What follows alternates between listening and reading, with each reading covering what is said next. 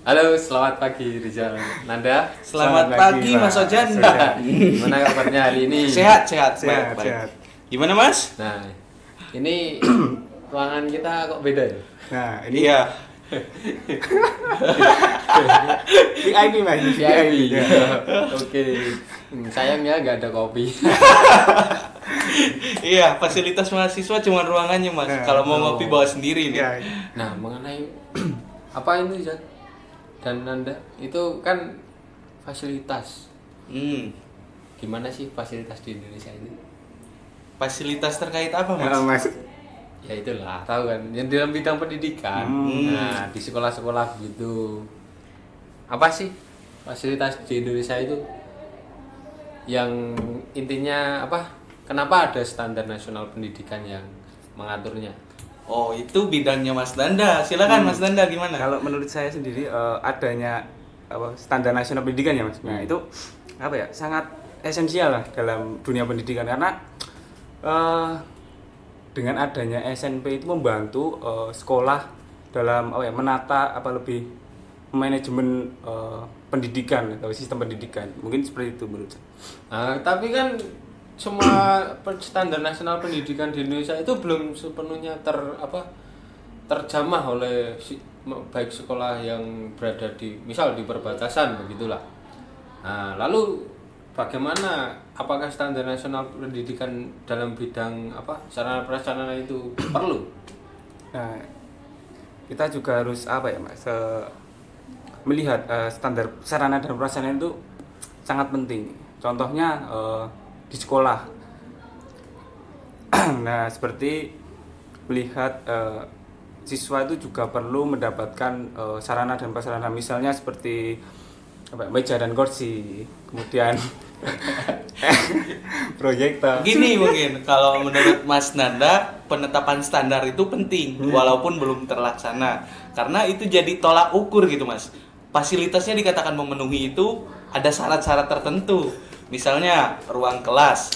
Setiap orang, setiap sekolah perlu ruang kelas yang di dalamnya terdapat minimal kayak meja, kayak bangku, kayak papan tulis. Nah, itu tuh standar yang ditetapkan karena kalau tanpa itu guru itu kekurangan peralatan untuk mengajar. Gitu mungkin katanya Mas Nanda, Mas. Kenapa saya- diterapkan standar? Iya, setuju. Nah, saya juga memiliki apa ya? eh, contoh kasus pengalaman lah, Mas. Nah, di sekolah saya itu apa ya? Ada perbedaan lah dari di setiap kelasnya. Nah, jadi eh, ketika apa ya belajar itu apa ya sering berpindah-pindah siswanya. Jadi tidak menetap karena eh, setiap kelas itu belum memiliki seperti proyektor. Nah, itu kan eh, sangat penting untuk memudahkan guru dalam menyampaikan materinya. Nah, jadi eh, harus berganti-ganti itu Mas eh, siswanya, berpindah-pindah.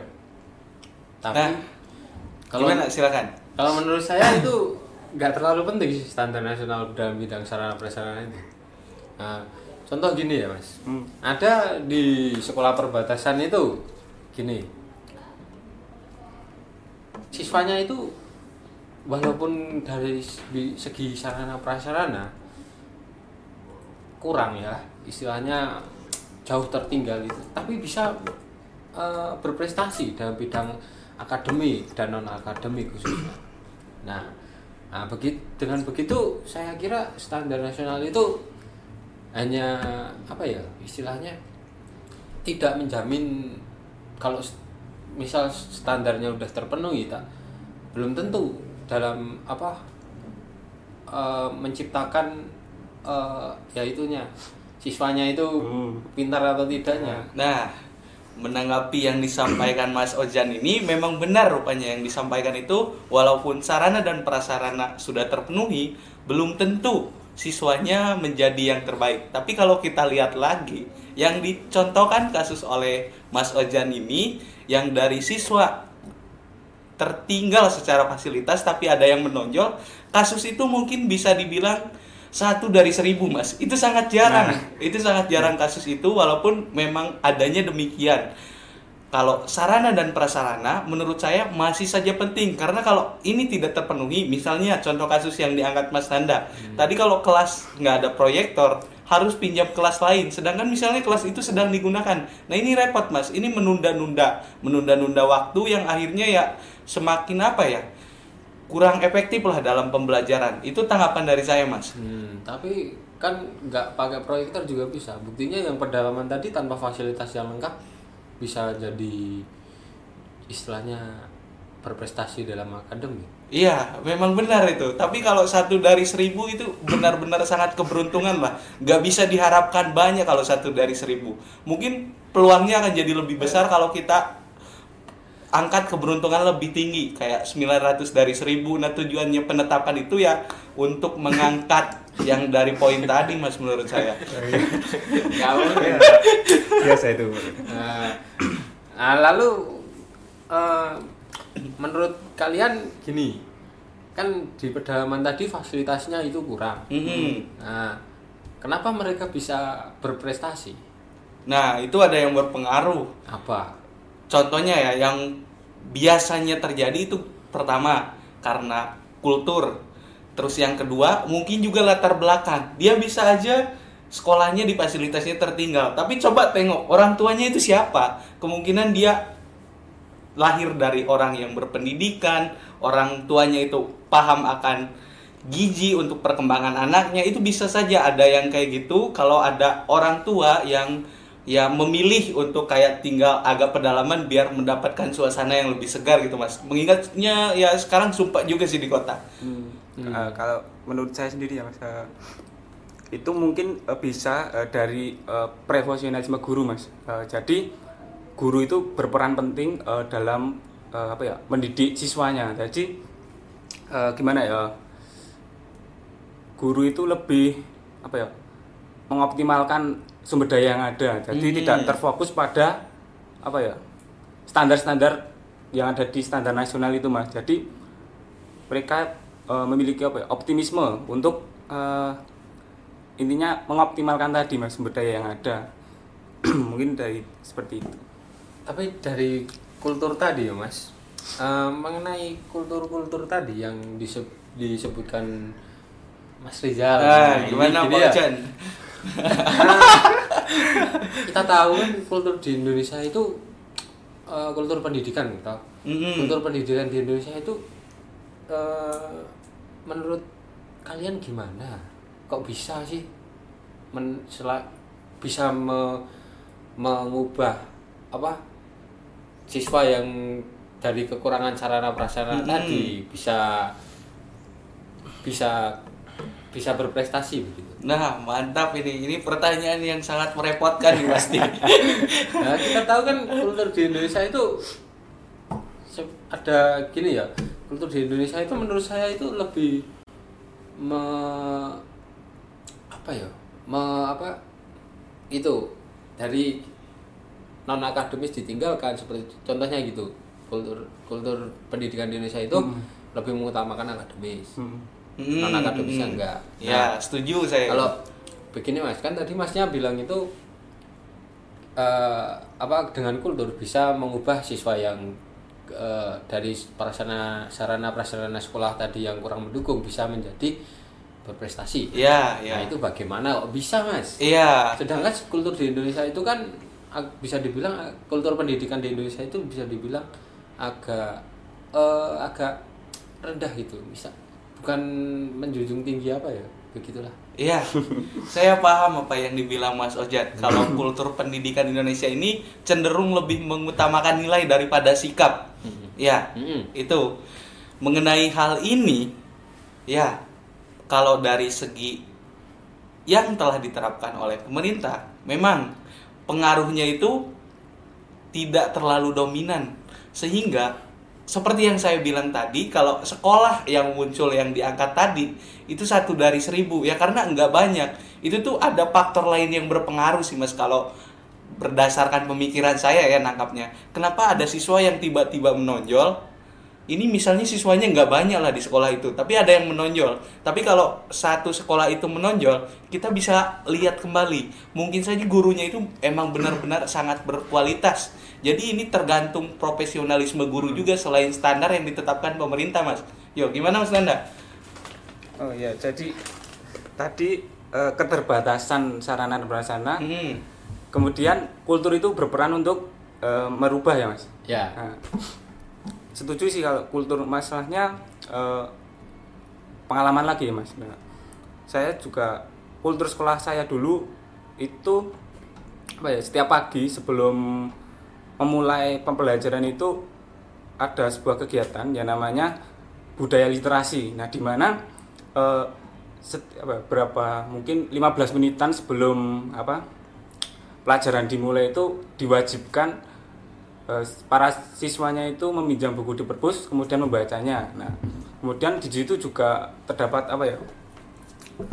eh, intinya sebuah dapat mensintetiskan atau menyimpulkan lah mas dari bacaannya itu. Nah, mungkin eh, dari situ kan juga apa ya menambah apa ya wawasan lah dari siswanya itu. Nah, mungkin seperti itu. Nah, sekarang gini nih, biar fair gitu, biar kita semua berpendapat. Menurut Mas Ojan sendiri gimana itu sehingga bisa tiba-tiba muncul di suatu sekolah yang secara fasilitas tertinggal, tapi tiba-tibanya siswa-siswanya sangat berprestasi itu gimana itu Mas kulturnya? Kalau aku Hmm. lebih ke gini mas, Eh, si- sifat tertinggal tapi eh fasilitas Hmm, tertinggal. fasilitas yang tertinggal bukan Si- siswanya loh. Mas. Gini, ah, kan tadi dibilang Mas Rizal itu Mm-mm. pendapat saya toh. Kalau Mm-mm. pendapat saya gini, siswa bisa berprestasi di tengah-tengah keterbatasan fasilitas sarana prasarana tadi. Mm-mm. Itu kalau menurut saya itu lebih ke tidak ke kultur sih, lebih ke profesional eh, prof- kualitas tenaga pendidik Heeh. yaitu profesionalitas guru tadi yang Iya. disebutkan Mas Nanda tadi. Mm. Nah, mengapa demikian? Karena tanpa guru yang berprofesional, eh, tidak mungkin pembelajaran itu bisa menyesuaikan dengan kondisi fasilitas yang ada. Mm-mm. Nah, misal nih guru nih nggak profesional, sama seperti apa? Begini, eh, guru yang tidak profesional pasti akan mengeluh dengan kekurangan fasilitas yang itu. Nah, dengan mengeluhnya guru, guru yang sebagai contoh itu pasti siswanya akan meniru-niru. Mm-mm. Nah, dari situ eh, perlunya profesionalitas guru. Kalau menurut saya begitu. Nah, sekarang semakin mengerucut nih. Kita tahu kalau kultur yang baik itu juga dipengaruhi oleh profesionalisme guru kan. Sekarang bagaimana kalau kita cari solusi untuk meningkatkan guru yang profesionalisme, profesionalismenya tinggi, itu gimana caranya, Mas? Mungkin Mas Nanda bisa menjawab lebih dulu. Gimana, Mas? Jadi eh, cara meningkatkan profesionalisme guru ya. Mas? Hmm. Nah, mungkin eh, apa ya? Anu. Atau Mas Ojan dulu Nah, boleh. dulu. Nah, begini Mas. Iya. Untuk profesionalisme guru itu kan eh, untuk meningkatkan ya, Mas. Hmm. Eh, kita kalau saya sebagai kepala sekolah di itu Amin. di ya. Ini berbicaranya seandainya ya. Ya bukan seandainya. Lebih ke langkah nyata yang akan saya lakukan. Begini eh, setiap eh, akhir akhir bulan tapi khususnya itu akhir semester lah ya diadakan evaluasi mas. Nah dari situ kita menyebar angket dari siswa-siswa eh, mengenai guru-guru itu bagaimana kinerja guru itu Hmm. Nah, masing-masing kita anu terus dari angkat-angkat itu kita kumpulkan eh, kita simpulkan menjadi istilahnya sebuah sebuah data itu kita analisis. Nah, dari situ kita bisa tahu guru mana yang istilahnya eh, kurang dari segi profesionalisme dan sangat yang guru yang baik dari segi profesionalismenya. Nah, setelah itu dari guru yang kurang baik ini eh, istilahnya kita akan me- bisa saja itu diajarkan workshop. Workshop tentang eh, kepemimpinan kepemimpinan dari guru. Karena kepemimpinan itu perlu mas. Eh, kalau guru itu sebagai pemimpin eh, kalau tidak ada jiwa kepemimpinan itu profesionalismenya kurang mas Ya. Nah. Sebelum lebih jauh lagi, saya masih sedikit penasaran karena angket ini masih dibagi-bagi lagi rupanya mas. Angket ini ada angket terbuka, angket tertutup. Nanti yang baik itu yang diterapkan bagaimana? Karena kalau angketnya terbuka bisa jadi pengalaman saya di kampus terulang tuh mas. Kayak waktu itu emang ada angket sih, tapi di angket itu dosennya itu lihat mas bahwa mahasiswa ini yang memberi penilaian buruk itu bahaya Oh, juga gini, mas. Ini angket yang bagaimana dulu? Pengertian angket terbuka dan tertutup itu gimana? Ah. Menurut Anda? Kalau menurut saya, angket terbuka itu yang angket dibuat tapi bisa diakses oleh gurunya. Kalau angket tertutup, itu gurunya nggak bisa mengakses itu. Dia nggak tahu kalau Oh, sis- siswa itu yang memberi penilaian terhadap. kalau pada pelajaran Ah. sosiologi saya dulu, ya, angket terbuka itu angket yang belum kita bebas mengisi jawabannya. Mm-mm. Terus kalau angket tertutup itu sudah tersedia jawaban, Mas. Heeh. Kita tinggal memilih. Heeh. Gimana itu, Mas?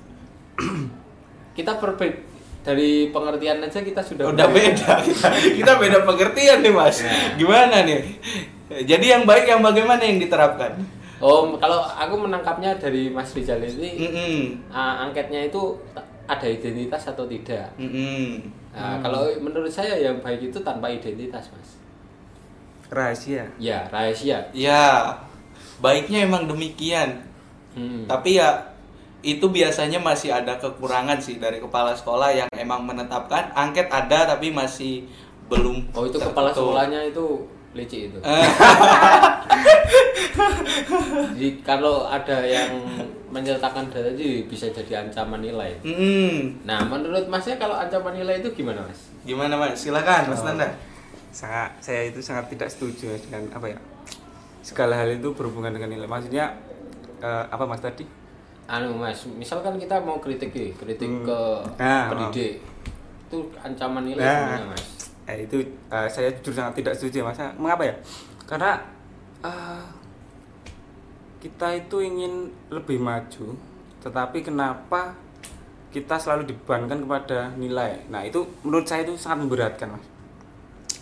Jadi eh, bisa membedakan lah mana yang berhubungan dengan nilai mana yang tidak mungkin seperti itu Nah, balik lagi itu, itu masalah profesionalisme guru sebenarnya mas, Iya. di situ tuh. Ya itu kan juga termasuk profesional. dulu. Ah, ah. Nah, ah, tapi hmm, kalau kita sebagai siswa nih, Mm-mm. kan mau nggak mau kita sebagai apa? Sebagai siswa itu pasti ada rasa ingin membalas budi kepada orang tua. Nah, balas budinya kan kita ke nilai. Mm-mm. Nah, apakah baik itu kalau kulturnya dibuat begitu, Mas? Balas budi ke nilai gimana itu mas? Nggak ngerti saya. Orang tua kita kan sudah Eh. membayar kita pendidikan. Ah, ah. Nah, sebagai balas budi yang pertama, nilai kita harus bagus. Ya, setuju itu saya. Setuju. Setuju. Kalau menurut Mas gimana? Ya set- setuju mas. Jadi kita apa ya intinya ada belas budi lah. Kita sudah dibiayai, kita sudah difasilitasi fasilitasi oleh orang tua. Kita eh, sewajibnya ya, memberikan nilai yang terbaik.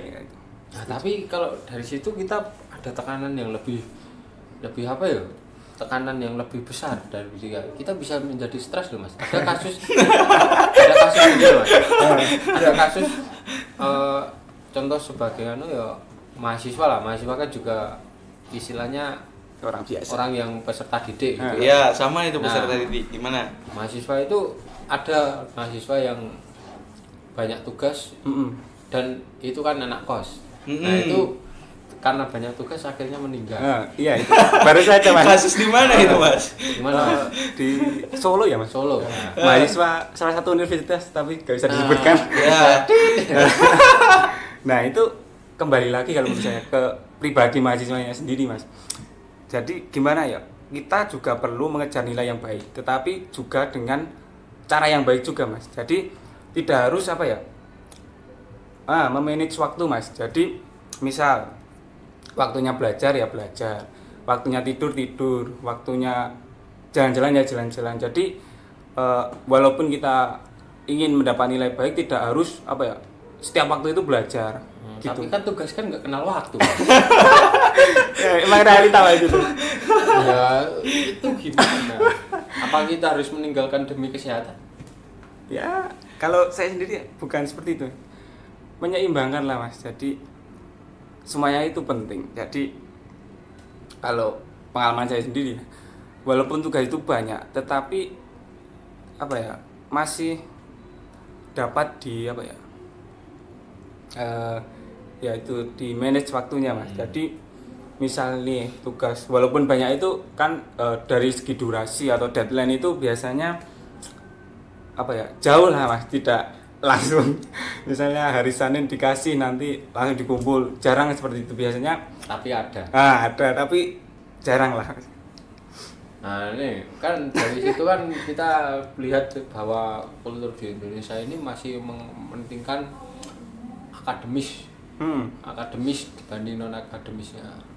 Nah kalau menurut saya itu Indonesia itu terlalu terlalu apa ya? Terlalu mengejar akademis itu berarti terlalu mementingkan hard, hard skill ya. Hmm, hard skill ya Nah, betul. padahal kan kita tahu soft skill soft skill itu juga diperlukan. Mm-mm. Menurut menurut Mas Nah, gimana? gini kalau menurut saya ya mengejar nilai tinggi ini sebenarnya baik juga untuk mengapresiasi kepada orang tua. Terlebih juga itu mengenai tanggung jawab, tanggung jawab sebagai siswa.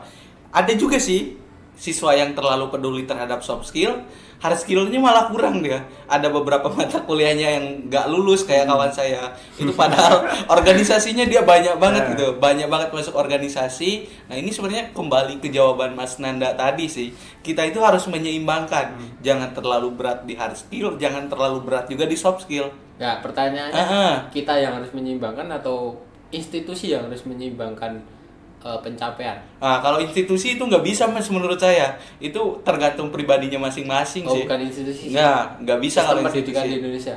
Itu nggak, itu udah di luar saat di luar situ mas. Tapi perlu nggak itu penyeimbangkan akademis dan non akademis tadi? Kalau diupayakan mungkin bisa, tapi kalau benar-benar secara mutlak itu enggak. Ini masalah kontrol diri sebenarnya mas. Tapi kalau menurut saya itu harus, Mas. Gimana? Kenapa harus? Mm-mm.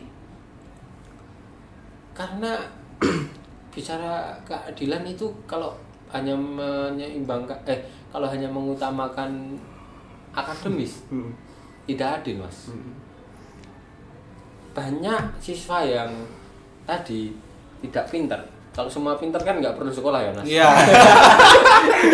hapus aja sekolah mas. Kalau udah pinter itu bener sih, dihapus aja sekolah. banyak siswa yang pintar itu merasa apa ya diistimewakan dari guru. Mm-mm. Mm-mm. nah sementara siswa yang istilahnya low profile ya tadi ya low profile yang nilai-nilai itu nilai akan Nilainya kurang ya, secara akademis kurang. tapi di satu sisi dia itu mengharumkan nama sekolah. Contohnya, contohnya, itu bingung saya. futsal nih juara. Ah, ah, Ah, juara futsal. Ya, nah itu apakah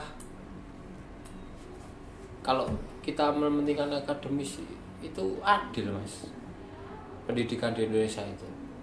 Kalau mementingkan akademis adil, bingung saya mas. gini mas. Gini, gini kan mas? Nanda ya. Mas Nanda ini yang satu debat gini mas. Ini tadi kan pendidikan di Indonesia itu hanya mengutamakan akademis. akademis dibandingkan Oh, oh. akademisnya.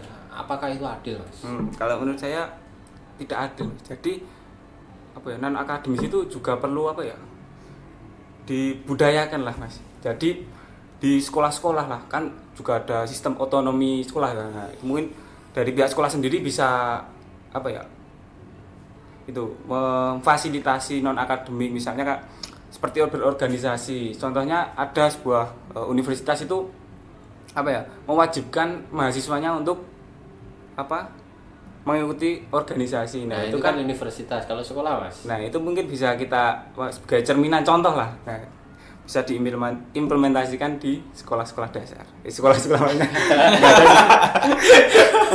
osis sekolah dasar. Namanya di sekolah. Nah, kayak di SMP SMA itu kan ya ada osis. Nah itu kan di situ melatih apa ya? Soft skill lah nah, komunikasi. Kan itu apa ya, sebenarnya soft skill itu menurut saya apa memiliki apa nilai yang penting dalam dunia kerja mas. Karena bayangin aja kalau orang itu ya, memiliki apa ya cerdas atau maksudnya dari segi akademik itu apa ya baik lah. Tapi kalau komunikasinya apa, buruk atau nggak lancar itu kan ya mempengaruhi mas. Jadi kan jadi apa ya, perlu ya tadi keseimbangan lah antara akademik dan non akademik Nah, saya setuju dengan Anda ini. Nah, karena kan misal nih sekolah itu terkenal karena kan yang mengharumkan yang bidang non akademik. Ah, emang gitu. hmm, Iya kan? Ya. Berarti sekolah SMA apa ini juara futsal identik dengan futsal. Nah, Hmm. itu kan non akademik. Iya. Nah, seharusnya itu sistem pendidikan itu ya bukan harus lebih berterima kasih, tapi lebih lebih lebih gini loh, Memberikan lebih ruang. memberikan ruang kepada bidang non akademis.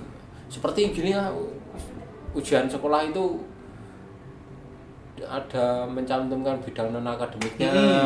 Nah, nah oh setuju mas setuju banget misal olahraga dikasih anunya gitu terus kalau UN masih ada nih kalau UN masih ada nih eh, ma- apa mata pelajaran pilihannya dikasih yang bidang non akademik bisa lah praktek nggak apa-apa Iya. kan merdeka belajar iya Iya, benar juga. Karena terkait budaya ini sebenarnya melekat. Kalau saya lihat dari gagasannya Mas Paujan tadi, ya emang perlu perlu dari atas, perlu dari institusi yang dari atas merombak gitu, merombak yang jadi tolak ukur nilai kita. Kenapa nggak yang dari lomba-lomba itu dimasukin ke rapat juga? Mungkin gitu ya Mas? Ah, enggak. Oh enggak juga. Institusi atas ngapain kita harus Eh. apa institusi atas Eh, institusi langsung ke langsung sekolahnya aja bisa mas sebenarnya murni dari sekolahnya ya kalau kita sering meng apa mengandalkan institusi atas misal Hmm. dari pemerintah gitu Iya. saya rasa sekolah nggak akan maju mas Kenapa Mas? Menarik ini. politisasi mas bisa aja Gimana itu? Bisa dijelaskan mungkin? bisa mas ya mungkin kalau menurut Mas Fauzan itu mungkin ada. kalau apa ya sekolah-sekolah itu kan banyak toh nah Mm. mungkin kalau kan kalau kita terfokus pada satu institusi itu apa ya ini tidak bisa menge- meng- apa ya, mengembangkan potensi yang ada. Nah jadi kita harus apa ya berpatokan sama ini terus.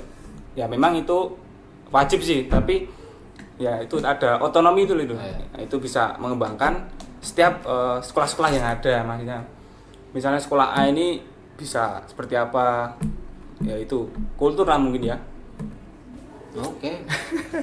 nah begitu mas. Nah, tapi kan Tapi saya kurang setuju sih kalau kayak Kenapa? gitu. Iya, budaya ini sebenarnya melekat, Mas. Mau nggak mau sih dibilang itu melekat. Itu turun temurun.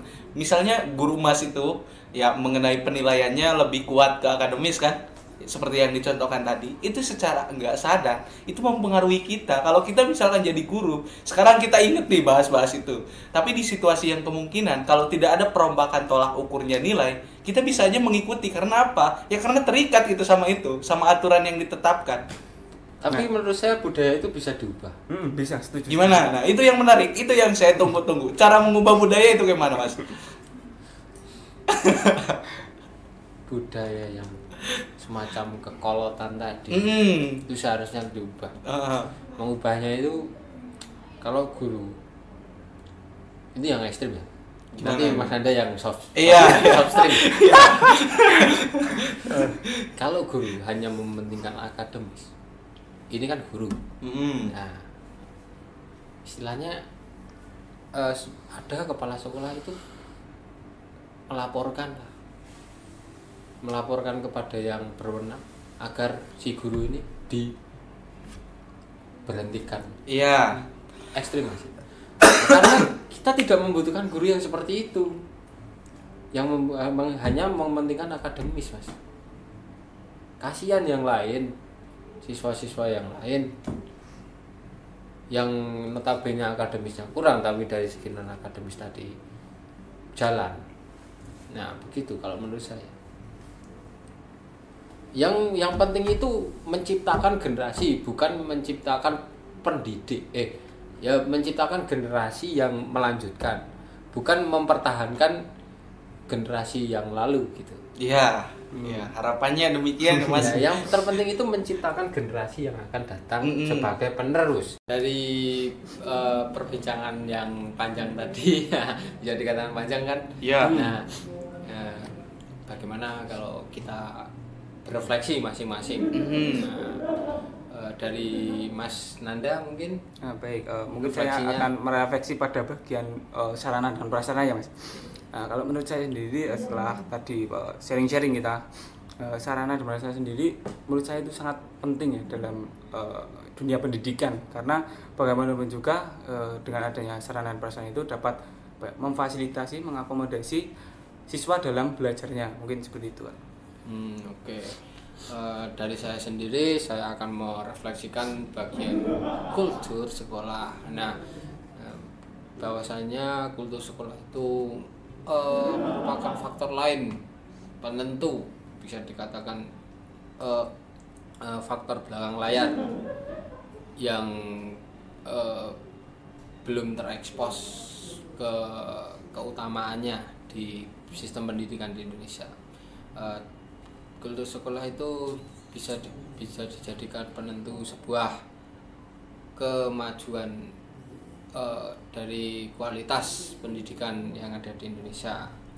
Eh, tanpa kultur sekolah yang baik, ya, kualitas pendidikan akan mm, berjalan tidak baik juga. Nah, dengan kultur sekolah yang baik, maka dia, kul- apa kualitas pendidikan akan sejalan dengan kultur yang baik itu. Mungkin dari Mas Rizal. Baik, kemudian saya akan merefleksikan mengenai profesionalisme guru dari apa yang telah kita perbincangkan tadi untuk meningkatkan tingkat profesionalisme guru diperlukan sebuah pembiasaan diri terutamanya. Jadi guru itu harus memiliki kesadaran terlebih dahulu akan pentingnya meningkatkan meningkatkan apa ya kecerdasan siswa-siswi kemudian dari soft skill dari hard skill yang nantinya akan memandu memandu guru tersebut sehingga dari yang tadi ada keinginan terus ada jalan maka apa yang diinginkan oleh guru tersebut untuk untuk apa mas bingung juga saya Nah, apa ya, untuk eh, Untuk kualitas pendidikan. Oh, yang- Nah, untuk meningkatkan kualitas pendidikan di Indonesia ini bisa tercapai. Jadi refleksi kali ini untuk meningkatkan profesionalisme guru, intinya kesadaran dari guru tersebut untuk memajukan pendidikan di Indonesia. Itu mungkin dari saya. Nah, oke sekian podcast dari kami. nah, kita akan berjumpa di podcast-podcast tentang pendidikan yang lainnya. Terima kasih atas waktunya, Mas. ya, atur nuhun. Ya, senang bekerja sama dengan Siap, kalian. siap, siap.